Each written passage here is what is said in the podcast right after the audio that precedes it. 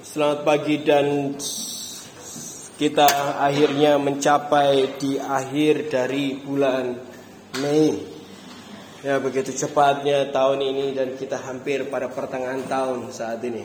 Padahal kayaknya baru kemarin kita yearly meeting gitu ya. Yang semua pakai kaos ini, yang berhujan-hujanan, lari-larian dan itu ya kayaknya seru banget ya. Nanti akhir tahun depan kita akan lakukan lagi eh akhir tahun depan akhir tahun ini. Salah. Ya jadi kita akan lakukan lagi. Tapi bagaimana kalau dilihat begitu luar biasa hari demi hari Tuhan boleh uh, berbicara dan memakai hidup kita dengan luar biasa. Hari ini saya akan berbicara tentang Dio Treves. Dio Treves adalah seseorang yang ditulis di Alkitab. Kita mau belajar dari hidupnya hari ini. Kita mau belajar dari sesuatu yang penting dari hidup Diotrephes. Ini bukan wajahnya yang asli, tapi kemungkinan. Ini dimungkinkan ini Gayu sebenarnya yang menerima surat ini. Ya, ini fotonya. Jadi surat ini adalah surat Rasul Yohanes kepada Gayus bukan Gayus Tambunan. Uh, jadi Terus akhirnya dia lakukan hal itu. Surat apa? 1 Yohanes 1. Sorry, 3 Yohanes 1. 3 Yohanes 1. Saya akan mulai di ayat 9.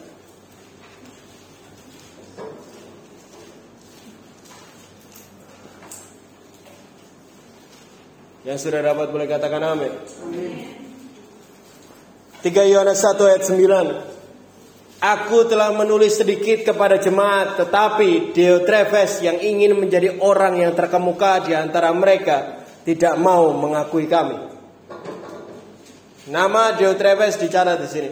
Ya, 3 Yohanes 1 ayat 9. Tidak banyak tertulis tentang dia di dalam Alkitab. Dia salah satu orang yang menjadi bagian dari gereja orang percaya waktu itu. Ya, dan beberapa sumber menyatakan bahwa dia adalah salah satu pemimpin gereja juga. Gereja di mana dia berada. Yang kemungkinan besar dari riset yang saya lakukan kemungkinan gereja di Derby. Ya. Zaman itu banyak orang dalam komunitas orang percaya. Sehingga ketika nama jemaat yang disebut oleh para rasul itu mereka sebenarnya ada sesuatu yang penting dari hidup mereka. Salah satunya adalah Diotrephes. Orang yang lain kalau teman-teman tahu siapa yang suami istri itu? Priscilla, Aquila. Ada nama-nama dari bagian-bagian dari gereja Tuhan. Ada Barnabas, ada yang lain yang berperan di dalam gereja Tuhan pada waktu itu. Diotrephes disebutkan oleh Yohanes sebagai contoh bagi orang percaya. Dia dikasih spotlight, atau spotlight, lampu sorot ya, sama Yohanes supaya semua jemaat bisa lihat sesuatu dari hidupnya.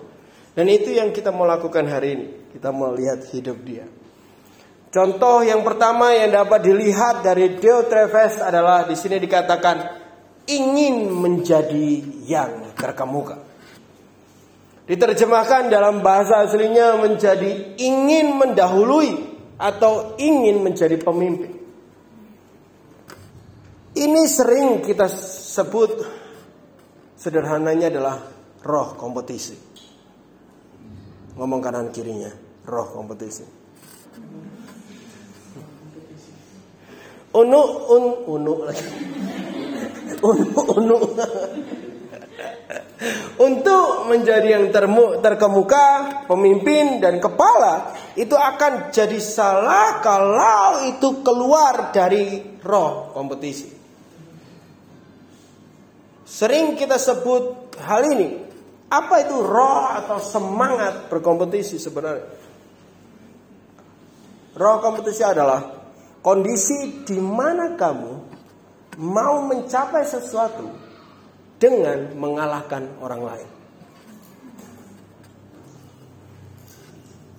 Kamu senang dengan mengalahkan seseorang supaya kamu yang menang. Kau menang dengan menjatuhkan seseorang. Kamu menjadi pemimpin dengan menginjak-injak orang lain atau merendahkan orang lain. jadi yang terkemuka dengan mengabaikan atau menghilangkan peran orang lain. Itu yang terjadi dalam roh kompetisi. Untuk lebih jelasnya saya akan bawa teman-teman tentang roh kompetisi ini di Lukas 9 ayat 46.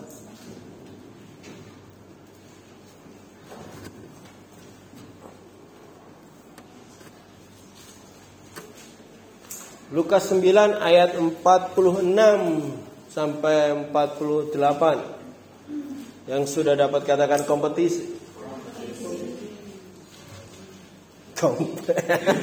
Kompetisi. Maka timbullah pertengkaran di antara murid-murid Yesus tentang siapakah yang terbesar di antara mereka. Tetapi Yesus mengetahui pikiran mereka. Karena itu ia mengambil seseorang anak dan menempatkannya di sampingnya. Dan berkata kepada mereka, Ya barang siapa menyambut anak ini dalam namaku, ia menyambut aku. Dan barang siapa menyambut aku, ia menyambut dia yang mengutus aku. Karena yang terkecil di antara kamu sekalian, dialah yang terbesar. Terjadi pertengkaran di antara para murid. Apa yang mereka tengkarkan? Apa yang mereka argumentasikan? Mereka meributkan siapa yang terbesar di antara mereka, posisi yang terkemuka di antara mereka, siapa yang paling. Hal ini tidaklah menjadi baru mungkin bagi teman-teman. Tapi pahami hal menarik yang barusan saya ngeh tentang hal ini. Hal ini terjadi sebelum Tuhan Yesus memanggil 12 rasul. Hal ini terjadi sebelum Tuhan memilih talmid atau murid spesialnya. Kalau teman-teman lihat di Alkitab. Dan hal ini yang mereka ributkan adalah, jadi mereka kan selalu ngikutin Tuhan Yesus terus tuh. Selalu ngikutin Tuhan Yesus ke mana-mana. Banyak kan, nggak cuma 12. Ada kadang 50, 70, sampai 100. Yang mereka ributkan adalah siapa yang akan menjadi pilihan si rabi, si guru ini, Yesus Kristus ini, untuk bisa mengikuti dia setiap hari lebih dari semua orang lain. Siapa yang jadi pilihan rabi untuk dicurahkan kehidupan dari seorang rabi itu? Jadi mereka mulai bertanya-tanya dalam dirinya, kira-kira aku nggak ya? Gitu. Siapa ya yang dipilih rabi untuk jadi seperti dia? Siapa ya yang akan diberikan segala sesuatu dari hidupnya? Adakah yang pernah merasa seperti ini? Di dalam pelayanan ini engkau merasakan hal ini. Setelah beberapa lama di pelayanan ini, rajin untuk selalu datang di setiap pengajaran, rajin selalu datang di setiap pertemuan, ya bertanya-tanya, kapan ya aku dipilih jadi tim musik? Apa aku ya yang akan dipilih jadi tim kepemimpinan? Kapan aku bisa melayani orang lain? Kapan ya aku akan dipilih bahkan kapan ya aku dipilih jadi tinggal di rumah Pak Bren?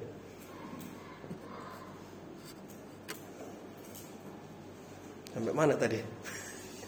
Kalau hal ini terus ada di pikiran dan di hatimu, yang terjadi adalah waktu seseorang lain malah terpilih.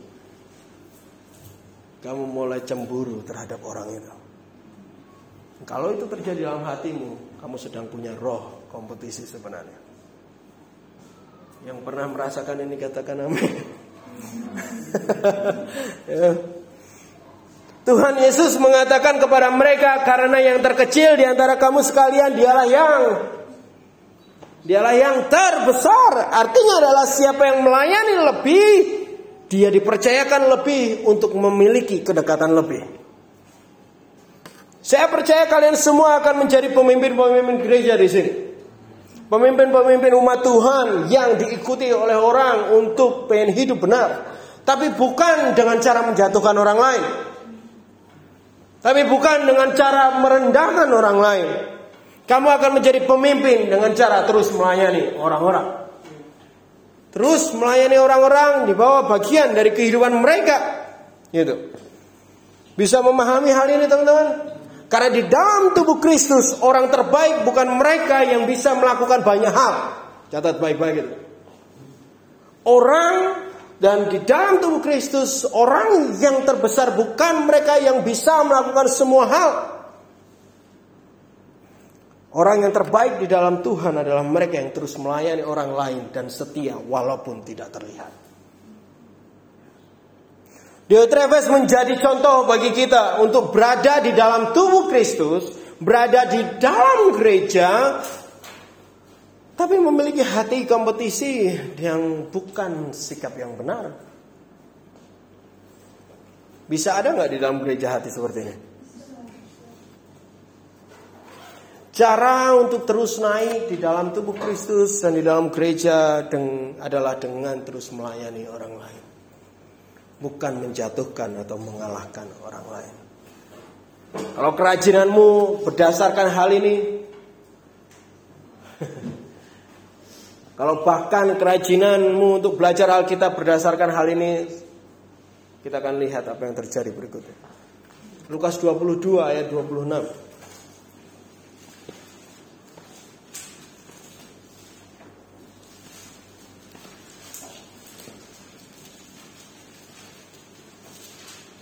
Lukas 22 ayat 26 yang sudah dapat katakan kompetisi.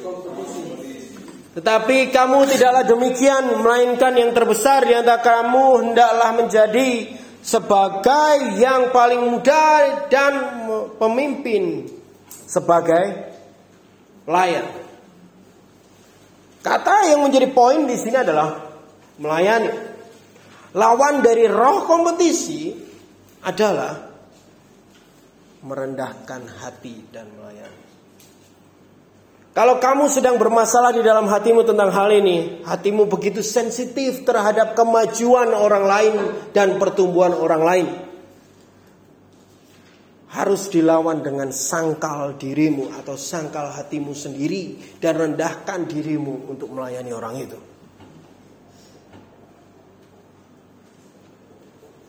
Akar dari roh kompetisi adalah iri hati sebenarnya.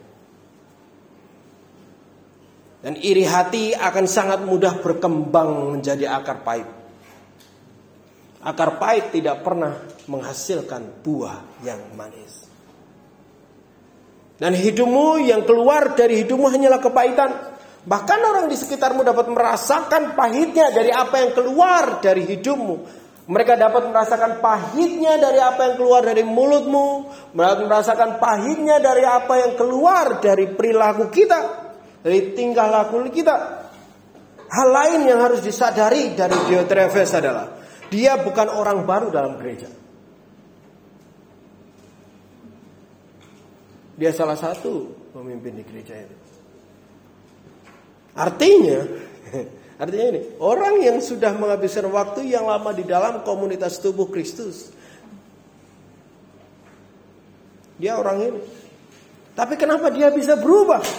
Kenapa bisa menjadi pahit dan terobsesi dengan kebesaran dirinya sendiri? Kenapa? Karena dia biarkan apa yang berlawanan dengan kebenaran terus hidup di dalam dirinya. Yaitu adalah hatinya yang tidak benar itu. Apa ketidakbenaran Diotrephes? Mencintai dirinya dengan wujud ingin jadi yang terkemuka. Ketidakbenaran ini membawa dia kepada ketidakbenaran yang lain. Ialah mencintai dirinya lebih dari mencintai orang lain. Padahal mengasihi orang lain adalah dasar untuk kamu melayani orang lain. Kalau kamu tidak bisa mengasihi orang lain, kamu tidak dapat melayani orang lain. Ini jelas berlawanan dengan kebenaran dan kasih. Kalau ini ada di dalam hati kita hari ini, Tuhan mau kita sadar dan berhenti darinya. Amin. Tuhan sedang sadarkan kita hari ini untuk kita bertobat dan berhenti dari hal ini. Berhenti dari hati yang tidak benar terhadap proses yang Tuhan berikan bagi hidupmu sendiri. Dia yang mau terlihat dari hidupmu. Tuhan mau terlihat dari hidupmu. Bukan kamu yang mau ditunjukkan dan ditinggikan. Ini catat baik-baik. Dia mau yang terkemuka melalui hidup Bapak Ibu Saudara. Bukan hidupmu yang jadi lebih terkenal dan lebih utama dari Tuhan sendiri. Jadi rendahkanlah dirimu dan layanilah orang lain. Amin. Amin. Saya saya mencoba untuk yang kali ini tidak terlalu keras. Ren ketawa-ketawa senyum-senyum. Karena katanya Ren yang kemarin sudah menampar-nampar jadi yang minggu lalu jadi yang mencoba membuat ini tidak keras. Kisah Rasul 20 ayat 25. Eh sorry ayat 35.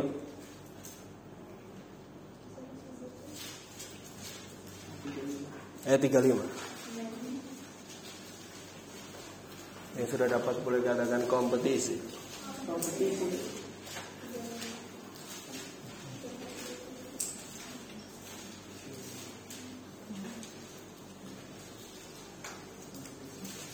Dalam segala sesuatu telah kuberikan contoh kepadamu bahwa dengan bekerja demikian kita harus membantu orang-orang yang lemah dan harus mengingat perkataan Tuhan Yesus sebab ia sendiri telah mengatakan adalah lebih berbahagia memberi daripada menerima. Saya bacakan di terjemahan sederhana Indonesia lebih jelas seperti ini. Dengan begitu saya selalu berusaha untuk menjadi teladan. Siapa ini? Paulus. Bagaimana seharusnya kita bekerja keras untuk menolong orang-orang yang lemah. Dan kita juga harus ingat bahwa Tuhan Yesus berkata, Tuhan lebih memberkati orang yang memberi bantuan daripada orang yang menerima bantuan. Walaupun orang yang menerima biasanya merasa lebih berbahagia. Tapi bagi Tuhan orang yang memberi itu lebih berbahagia. Menerima sesuatu dari orang lain tidaklah salah. Tetapi mereka yang berkontribusi ke orang lain akan lebih berbahagia atau diberkati hidupnya. Ini tidak hanya berhenti tentang memberi. Hanya orang yang berhenti berpikir tentang dirinya sendiri mereka lah yang mampu melayani orang lain sebenarnya. Diotrephes terjebak dalam pikiran dirinya sendiri, terjebak pada fokus akan dirinya sendiri, terjebak pada keputusan untuk memenuhi prestasi dirinya sendiri. Sehingga setiap kali yang dilihat hanyalah kondisi dirinya sendiri terus. Kondisi yang kurang, kondisi yang pengen lebih, pencapaian yang mungkin belum tercapai, apa yang ingin dicapai lagi semuanya bicara aku, aku dan aku. Memikirkan diri sendiri terus membuat kita buta akan kebutuhan orang lain. Buta terhadap kemajuan orang lain bahkan dan iri terhadap pencapaian orang lain. Orang-orang yang sudah lepas dari penjara akan dirinya sendiri, sudah lepas dari penjara akan selalu akan pikiran yang memikirkan dirinya sendiri, akan lebih bebas menikmati kasih Tuhan. Karena dia melakukan kasih itu. Sukacita yang saya sendiri pun tidak bisa benar-benar gambarkan dengan kata-kata kebahagiaan atau berkat yang tidak dapat di Dibandingin seberapa pun apa pun yang dapat disediakan dunia ini. Oh, ketika kita bisa melayani orang lain, memberi hidup kita lebih kepada orang lain. Ini hanya didapat dengan melayani orang lain. Wow.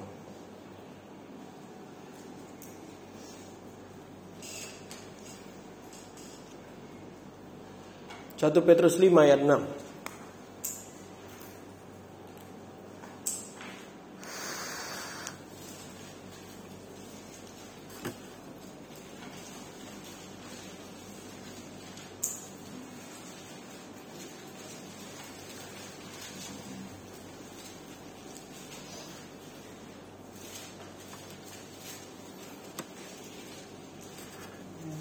Yang bisa nangkep dari apa yang saya jelaskan boleh katakan amin. 1 Petrus 5 ayat 6 Karena itu rendahkanlah dirimu di tangan Tuhan yang kuat Supaya kamu ditinggikan pada waktunya Masalah cinta diri sendiri ini Teman-teman Masalah roh kompetisi ini Tidak hanya berdampak ke dirimu saja Masalahnya Diotrephes mulai mempengaruhi jemaat Dengan cara hidupnya yang dihasilkan iri hati adalah kehancuran kasih di dalam seseorang untuk orang lain. Roh kompetisi menghancurkan ikatan pelayanan di dalam kasih. Meninggikan diri akan membawa kita menjadi orang yang berbahaya bagi kesatuan tubuh Kristus. Akan muncul perpecahan karena iri hati dan kompetisi akan selalu memisahkan hubungan. Begitu kamu iri kepada seseorang, duduk pun tidak nyaman sama orang itu. Walaupun orang itu nggak salah paling, ya kan? Begitu kamu cemburu terhadap apa yang dia dipercayakan dalam hidupnya, kamu lihat dia di depan aja udah males. Walaupun dia mungkin ngomong sesuatu dari Tuhan. kamu sedang ada sebenarnya di dalam dirimu. Kamu sedang jadi Diotrephes. Namamu diganti aja berarti. Ini.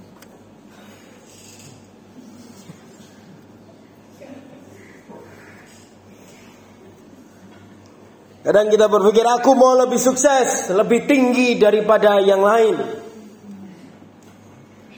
Tadi malam Pak Bren bercanda ke Pak Gerin begini. Oh kamu bawa makanan ini semua ada roti bakar coklat, roti keju, ya kan gitu. Kamu Uh, tapi Pak Gerwin makannya protein shake. Yang lain dikasih roti bakar, dia makan protein shake. Gitu. Terus Pak Brand bilang, jadi cara kamu supaya kelihatan kurus adalah membuat orang lain lebih gemuk ya.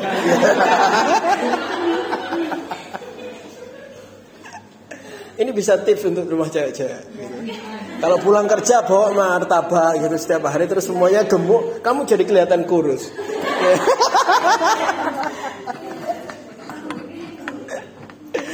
Kalau yang ini tadi bercanda teman-teman. Itu Pak Gerwin nggak sedang bertingkah uh, laku seperti Dio Travis di situ. ya.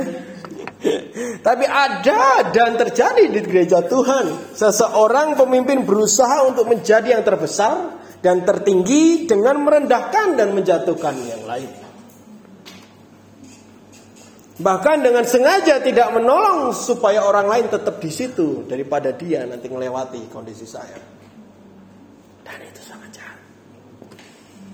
Jahat banget itu. gitu.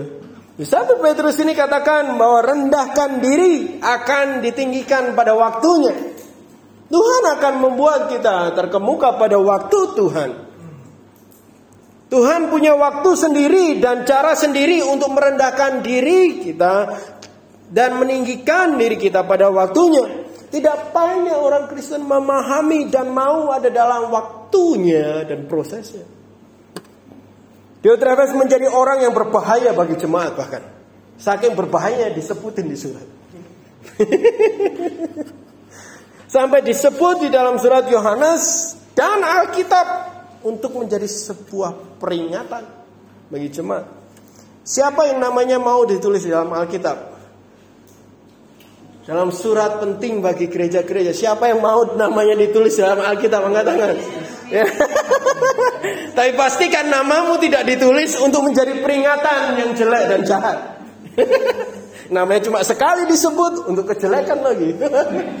kasihan banget ya itu ya yang lain tidak menjadi seperti kita bahaya itu tugas kita adalah merendahkan diri dan melayani terus melayani orang lain yang mendikikan ya Tuhan yang mendikikan kita yang meletakkan kita pada waktunya ya Tuhan sendiri saya mau kuatkan kita semua hari ini untuk waspada sama roh kompetisi ini. Kamu ada di sini, kita ada di sini hari ini untuk saling melayani demi kemajuan dan pertumbuhan tubuh Kristus. Bukan untuk saling mendahului dan menyikut. Sikut ya, duluan. Amin. Kita balik ke 3 Yohanes 1 tadi. Ya, saya lupa kasih tahu untuk Nandaya tadi. Yang tiga Yohanes 1 itu bisa ditandai karena mungkin aku akan balik mungkin dua kali lagi. Atau sekali lagi.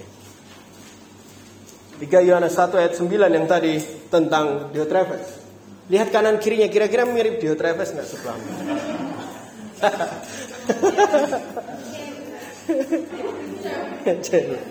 Jadi nggak mirip. Tapi kira-kira tinggal lakunya mirip nggak kira-kira?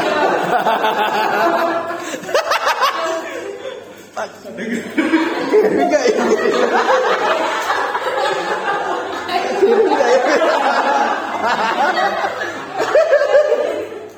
Kayaknya mirip Pak Garuda. Oke ayat 9 ya, Aku menuliskan sedikit kepada jemaat Tetapi Diotrephes yang ingin menjadi terkemuka di antara mereka Tidak mau mengakui kami. Yang berikutnya yang kita mau belajar dari Diotrephes adalah Tidak mau mengakui kami. Alkitab tuliskan hal itu. Kami siapa ini? Para rasul. Tidak mau mengakui dalam beberapa terjemahan menjadi tidak mau menerima atau tidak mau menuruti kami. Para rasul ditempatkan Tuhan untuk memimpin gereja Tuhan dan terus-menerus memuridkan supaya pada akhirnya terus memuridkan lagi. Siapa yang dimaksud kami adalah otoritas gereja dan para rasul dan yang ditaruhkan di atas orang-orang percaya pada waktu itu. Ketika seseorang tidak menuruti pemimpin, sama dengan orang itu sebenarnya tidak mengakui keberadaan pemimpin itu.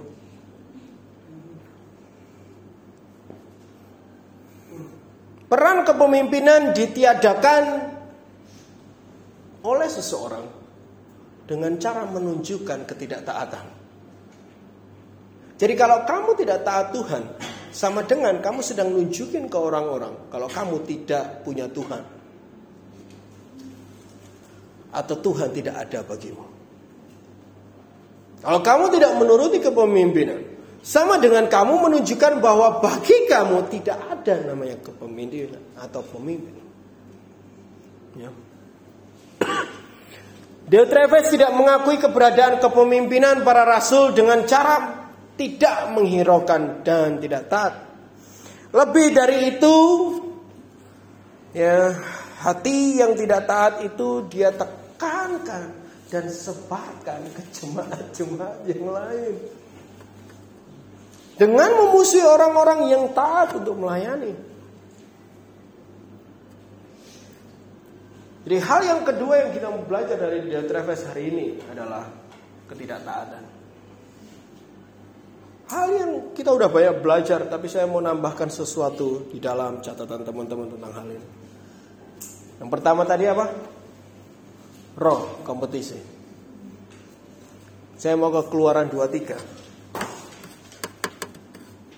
Kitab keluaran itu sebelum wahyu teman-teman.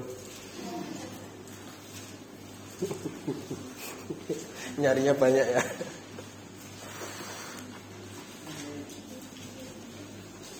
Keluaran 23 ayat 20 sampai 21.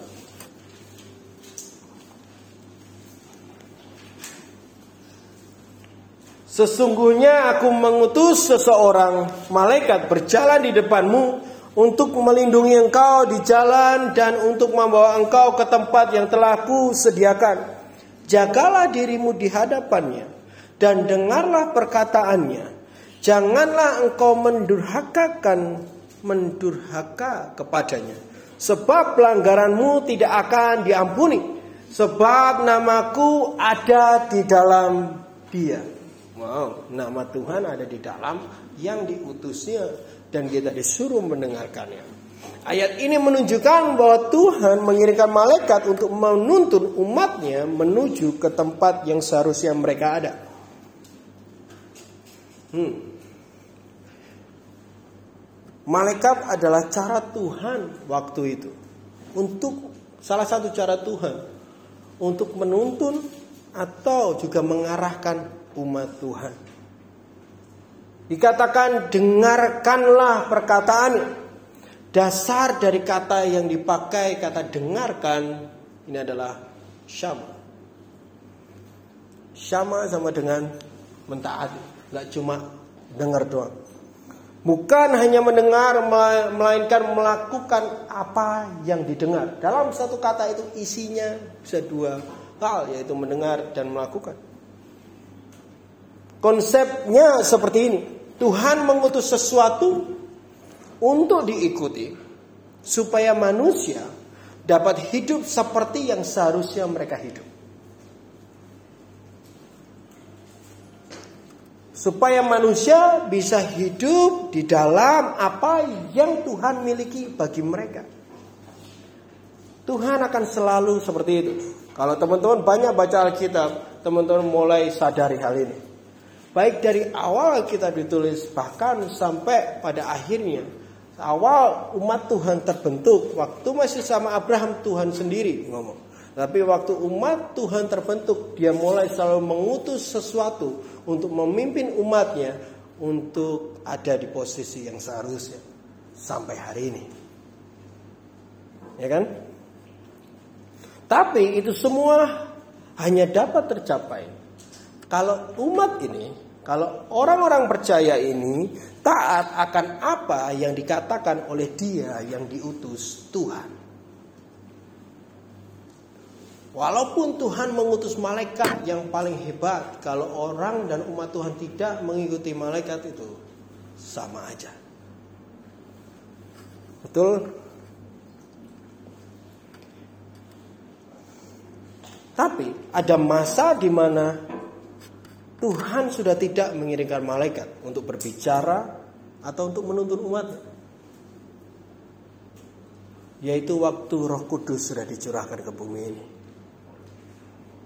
Tidak malaikat lagi tetapi melainkan dirinya sendiri yang dia utus untuk mengarahkan hidup umat. Bagian dari dirinya sendiri yang ditaruhkan di hidup kita.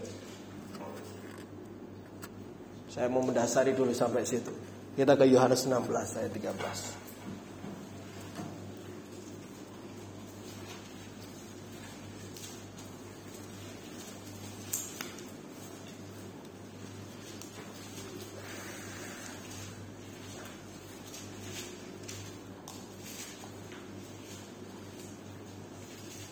Yohanes 16 ayat 13. Yang sudah dapat katakan taat.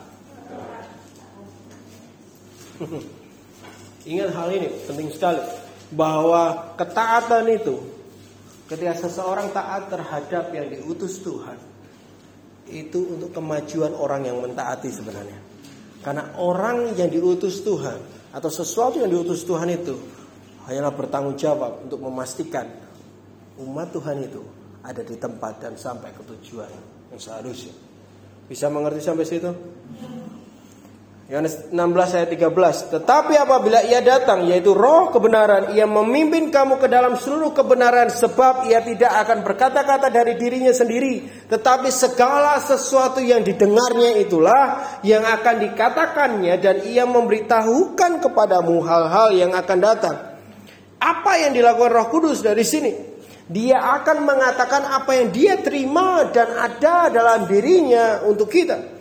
Roh Kudus adalah yang Tuhan utus untuk kita ikuti supaya kita dapat berjalan di jalan dengan tujuan yang seharusnya. Dengan tujuan yang benar.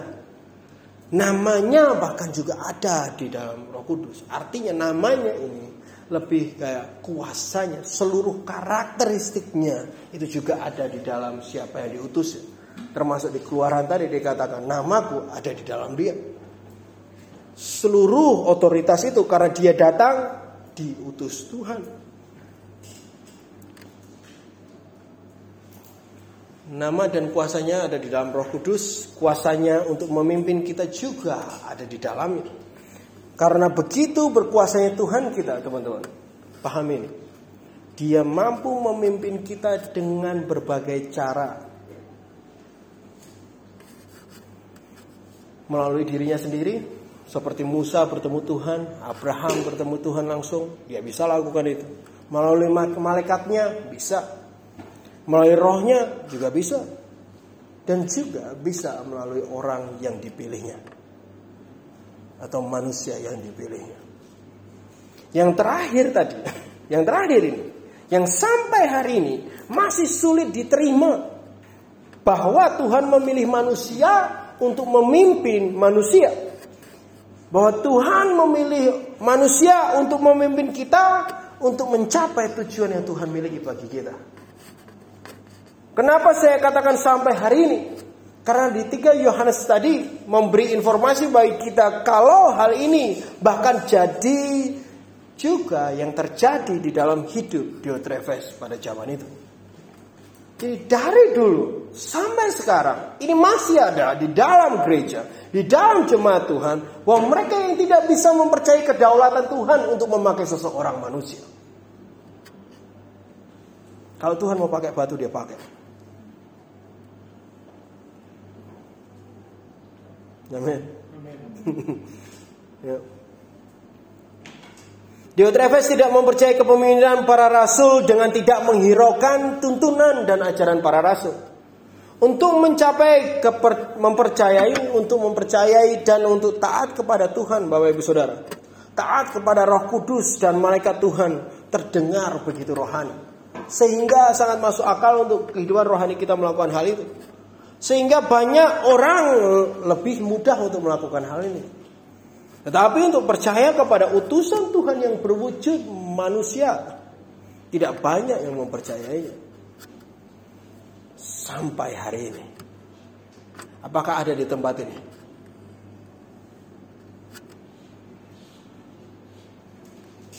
Bilangan 16 ayat 1 sampai 3.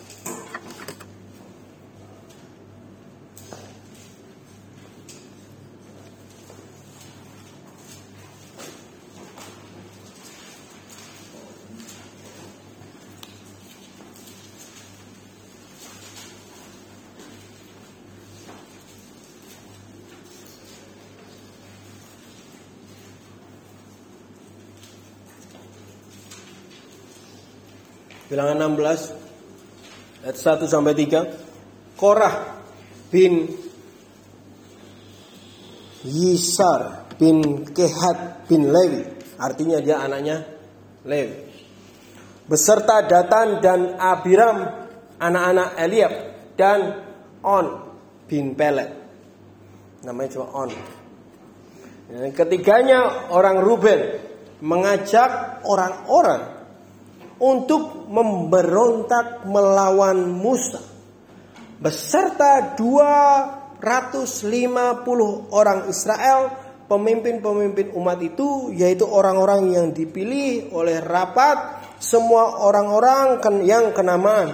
Mereka berkumpul mengurumuni Musa dan Harun serta berkata kepada keduanya sekarang cukupkanlah itu segenap orang umat itu adalah orang-orang kudus dan Tuhan ada di tengah-tengah mereka. Mengapa engkau meninggikan diri di atas jemaat Tuhan? Jadi ceritanya Bapak dan Saudara Korah adalah keturunan Lewi. Korah banyak menulis Mazmur kita juga keturunannya. Jadi ini salah satu keturunan yang menulis Mazmur. Dia banyak ngurusin uh, ujian penyembahan di Bait Allah. Jadi dia adalah umat Lewi yang terus melayani di bait Allah. Dia kumpulin tiga anak itu tadi tiga orang dari Ruben dan kumpulin orang-orang lain untuk berdiri di musafah. Hei, udah cukup kan? Tuhan udah bisa kok ada di tengah-tengah mereka sendiri gitu. Kamu nggak perlu jadi pemimpin atas mereka. Itu yang sedang dikatakan. Kamu ngapain naruh dirimu tinggi-tinggi di atas daripada seluruh jemaat? Ini terjadi dari zaman itu teman-teman. Mereka menuduh Musa dan pemimpin Harun. Kenapa mereka meletakkan dirinya lebih tinggi dari orang lain?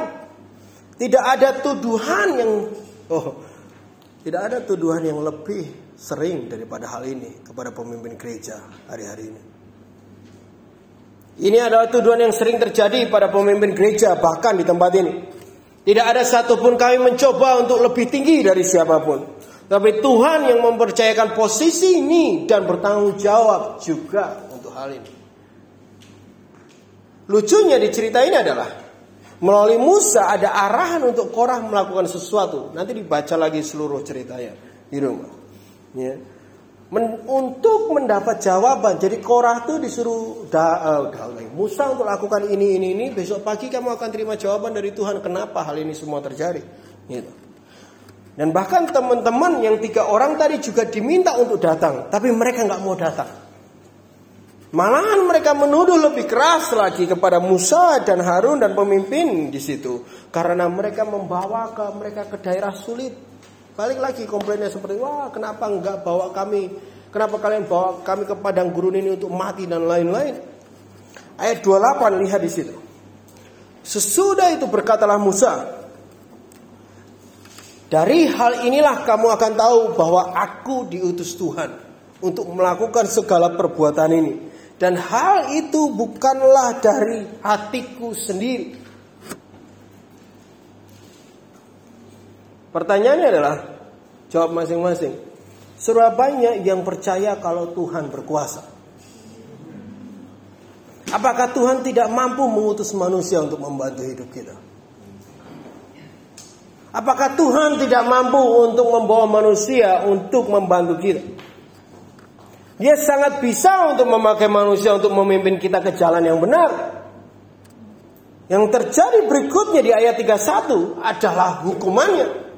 Tanah terbuka dan menelan semua orang-orang ini. Benar-benar blum blum blum.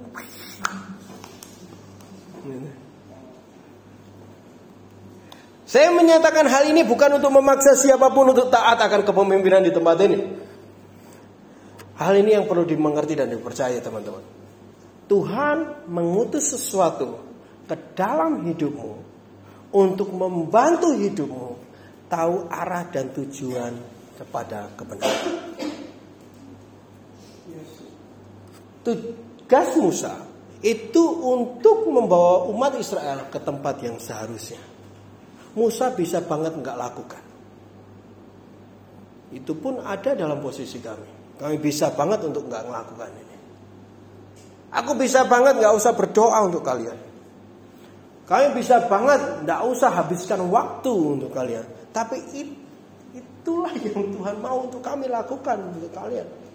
Dan semua pemimpin gereja seperti itu. Tapi ketidakpercayaan itu karena mereka melihat dengan cara yang berbeda. Tugas kami adalah memastikan kalian hidup ke arah dan jalan Tuhan. Ke arah tujuan yang Tuhan miliki buat kalian semua. Ini tidak terjadi kalau kalian tidak mentaati apa yang Tuhan katakan kepada kami dan kami teruskan ke kalian. Kira-kira apa yang dicoba dilakukan oleh para rasul untuk gereja-gereja yang dipimpin di situ? Kenapa Yohanes mengirim surat ke Gaius dan ngomongin dia Travis? untuk membantu mereka, untuk membantu gereja itu, untuk memastikan gereja itu tetap di jalan yang benar, untuk memastikan orang-orang percaya yang di dalamnya tetap di track yang benar supaya tujuannya benar. Apa yang dilakukan untuk memastikan hal itu? Saya memakai ayat 31 tadi bukan untuk menakut-nakuti kalian, tapi untuk memperlihatkan seberapa seriusnya Tuhan terhadap ketidaktaatan kepada utusan Tuhan. Tuhan membinasakan mereka semua. Ketidaktaatan selalu berujung kesulitan. Ketidaktaatan selalu berujung kebinasaan bahkan kematian.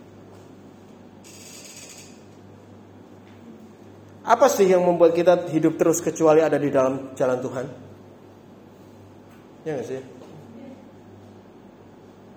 Dan mereka yang diutus ke dalam hidup kita cuma mau menjaga kita ada terus di jalan itu supaya kita terus hidup. Amin. Amin. Cuma itu aja. Masalahnya adalah kita perlu dipimpin untuk terus ada di dalam jalan itu. Saya sempat pikir, wah Tuhan membinasakan mereka semua nih. Tapi sebenarnya sama aja sih. Kalau seseorang nggak taat, Anggap ini jalan yang mereka harusnya lalui. Tapi mereka nggak taat, mereka keluar dari jalan yang hidup itu. Mau lambat atau cepat dia mati juga kok. Ya nggak sih? Tuhan nggak usah hukum dia dengan kematian sebenarnya orang ini juga mati juga.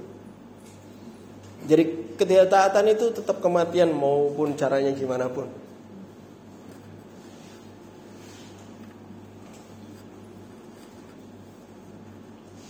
Jadi siapa yang mau jadi Diotrephes? Roma 13 ayat 2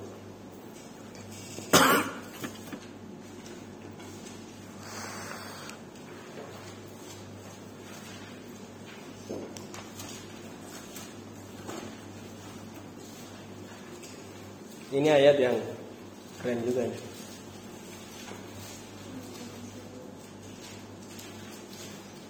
Roma 13 ayat 2 Sebab Oh belum. Sudah dapat katakan taat. Roma 13 ayat 2 Sebab itu barang siapa melawan pemerintah Ia melawan ketetapan Tuhan Dan siapa yang melakukannya Akan mendatangkan hukuman atas dirinya. Ayat ini juga cukup terkenal Dan dibicarakan di kalangan orang Kristen Apalagi pada waktu awal masa pandemi COVID-19 untuk menguatkan opini mereka untuk taat kepada aturan pemerintah tentang isolasi gereja. Dan sekaligus menyalahkan gereja yang memilih untuk terus berjalan dan tidak mentaati pemerintah. Saya akan jelaskan lebih dalam apa yang sebenarnya dikatakan di ayat ini. Kalau saya ambil secara sederhana ayat ini akan menjadi seperti ini. Barang siapa melawan pemerintah, ia melawan Tuhan. Ya kan? Siapa yang menulis ayat ini? Paulus betul? Kira-kira apakah Paulus sedang berbicara tentang pemerintah pemerintah? Padahal Paulus bahkan berkali-kali dipenjara dan mati karena melawan pemerintah pemerintah yang berkuasa pada waktu itu. Terus berarti apa maksudnya ayat ini? Apakah Paulus mencoba mengatakan sesuatu yang dia tidak hidupi? Atau Paulus sedang menyatakan sesuatu yang dia sembunyikan. Tidak. Kata pemerintah di sini diartikan dari bahasa aslinya sebenarnya menjadi penguasa atau orang yang berkuasa. Di dalam kepercayaan Yahudi, kuasa atau orang yang berkuasa lebih seperti orang yang bertanggung jawab. Koneksi gambaran dari kata ini ada di dalam 1 Korintus 11 yang dibaca sendiri yang ini tentang tudung atau covering atau penutup di atas kepala kita. Pertanyaannya adalah apa tanggung jawab Musa terhadap umat Israel? Membawa mereka ke tanah perjanjian, betul? Jadi Musa bertanggung jawab terhadap umat Israel terhadap Tuhan. Para rasul bertanggung jawab untuk memastikan gereja-gereja dimuridkan untuk menjadi murid Kristus seperti yang mereka diserukan oleh Tuhan bahwa pergi dan jadikan semua bangsa murid. Dan mereka semua dari Tuhan. Untuk tujuan dan sekaligus tanggung jawab yang dari Tuhan dan untuk umat Tuhan yang dipimpin oleh mereka. Apa tugas dan tanggung jawab kami?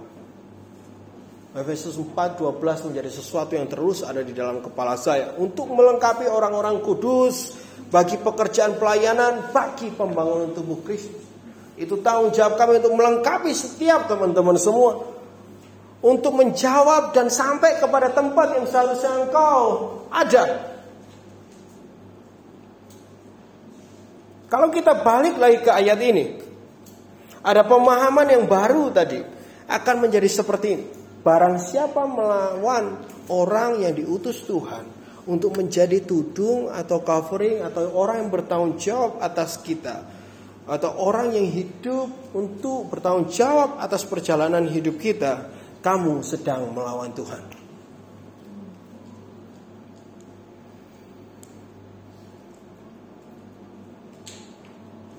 Diotrephes adalah contoh bagi kita.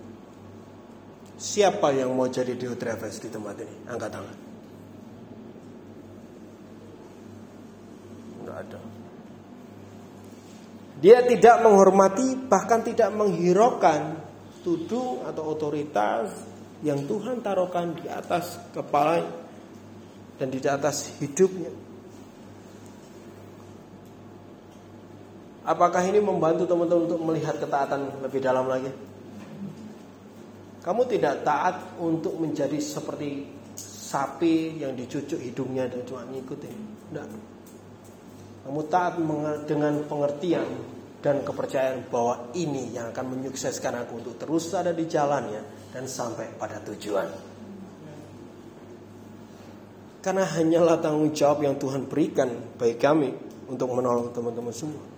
Hanyalah tanggung jawab yang Tuhan berikan kepada Musa untuk menolong seluruh umat Israel. Ya, tanggung jawab di dalam hati dan pundak para rasul untuk jadi tanggung penanggung jawab dalam pemuritan gereja-gereja itu. Teman-teman, jangan jadi Diotrephes yang tidak menghormati dan menghiraukan otoritas atau tudung yang Tuhan berikan. Lagi ke 3 Yohanes 1. Tapi kita di ayat 10.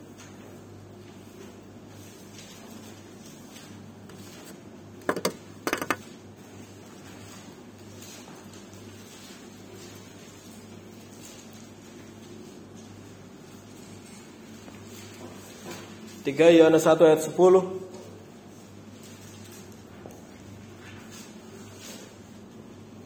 Karena itu apabila aku datang aku akan meminta perhatian atas segala perbuatan yang telah dilakukannya sebab ia melentar melontarkan kata-kata yang kasar terhadap kami dan belum merasa puas dengan itu. Ia sendiri bukan saja tidak mau menerima saudara-saudara yang datang, tetapi juga mencegah orang-orang yang mau menerima mereka dan mengucilkan orang-orang itu dari jemaat. Ini si Diotrephes yang melakukan hal ini, teman-teman. Diotrephes tidak hanya tidak menghiraukan kepemimpinan para rasul, dia juga memutar balikan perkataan dan menfitnah rasul. Dia juga bahkan mengucilkan dan membenci mereka yang taat kepada para rasul. Yang menghormati para rasul, yang menerima saudara-saudara dalam Tuhan, yang taat dibenci sama Diotrephes. Orang yang taat selalu tidak suka sama yang taat. Setuju? Orang yang malas-malas sama orang yang rajin. Pernah ada yang datang ke kontrakan kalian ngajak sharing-sharing Alkitab dan dirimu malas?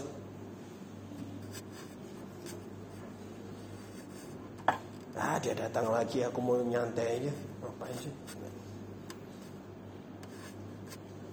Diajak berdoa, nggak mau. Tapi tidak hanya sekedar nggak mau, tapi kamu mulai punya kebencian terhadap orang itu karena ketaatan mereka.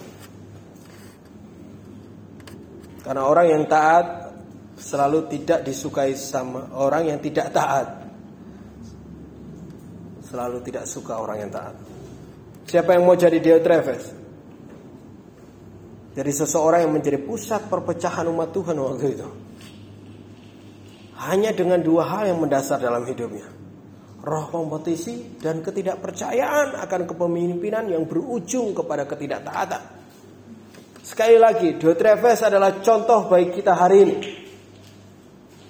Contoh hal-hal yang tidak boleh terjadi dalam hidup kita. Udah namanya cuma sekali disebut di Alkitab. Yang disebutnya hal yang jelek lagi.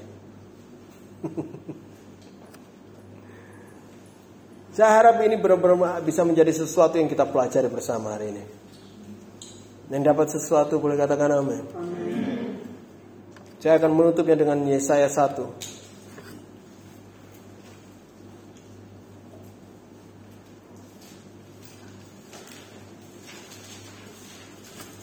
Yesaya 1 ayat 19 dan 20.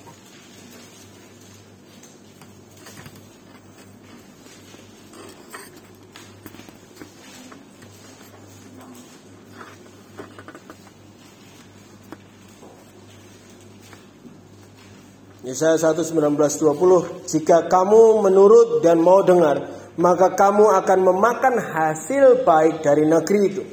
Tapi jika kamu melawan dan memberontak Maka kamu akan dimakan oleh pedang. Sungguh Tuhan yang mengucapkan. Firman ini ditulis kepada umat Tuhan yang masih berada dalam peperangan dan pembuangan.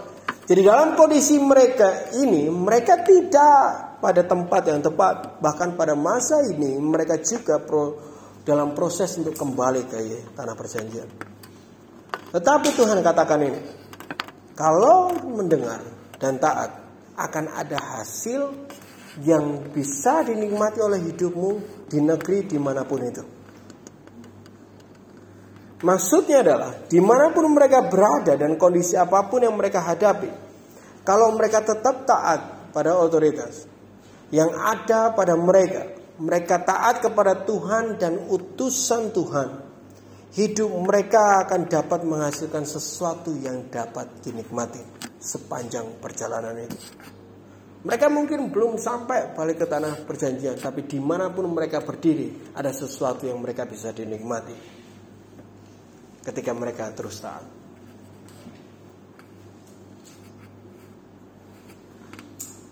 Beberapa dari teman-teman ada yang baru memulai perjalanan bersama Tuhan. Ada yang sudah beberapa langkah di depan dari yang lain. Yang Tuhan mau katakan bahwa kalau kamu taat belum sampai tujuan pun hidupmu sudah ada hasilnya. Sudah ada dampak.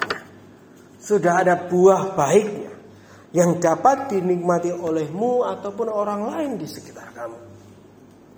Ingat, jadi Deo Travis bukan pilihan yang baik. Berhenti untuk berkompetisi, berhenti iri hati, gantikan dengan melayani dan rendahkan diri, rendahkan hati. Berhenti dari pandangan remehmu terhadap kepemimpinan, gantikan dengan kepercayaan dan ketaatan dalam imanmu. Kami rindu melihat kalian suatu saat nanti berdiri di tanah perjanjian kalian masing-masing. Berdiri pada tujuan yang Tuhan berikan bagi hidup kalian. Di situlah kebahagiaan yang saya rasa saya tidak bisa ngukur. Ya, kayak gimana. Layanilah satu dengan yang lain dan izinkanlah kami menolong dan membimbing dan memimpinmu. Jangan jadi Diotrephes. Karena kami mau kesuksesan ada di dalam hidup kalian. Ini firman Tuhan yang kita boleh belajar hari ini. Bahwa Tuhan bolehkan kita melihat kehidupan kepemimpinan di jemaat waktu itu. Untuk sesuatu yang kita boleh hindari sedini mungkin. Oh, kamu ada di posisi-posisi ini hari ini. Kita berhenti bareng-bareng. Dan kita mau terus ada di bagian proses Tuhan untuk pertumbuhan itu boleh terjadi. Karena Ketika kita taat dan mendengar, kita akan berbuah di dalam proses itu. Kita, saya undang kita semua pahit berdiri. Stanley boleh berdoa untuk kita Stanley.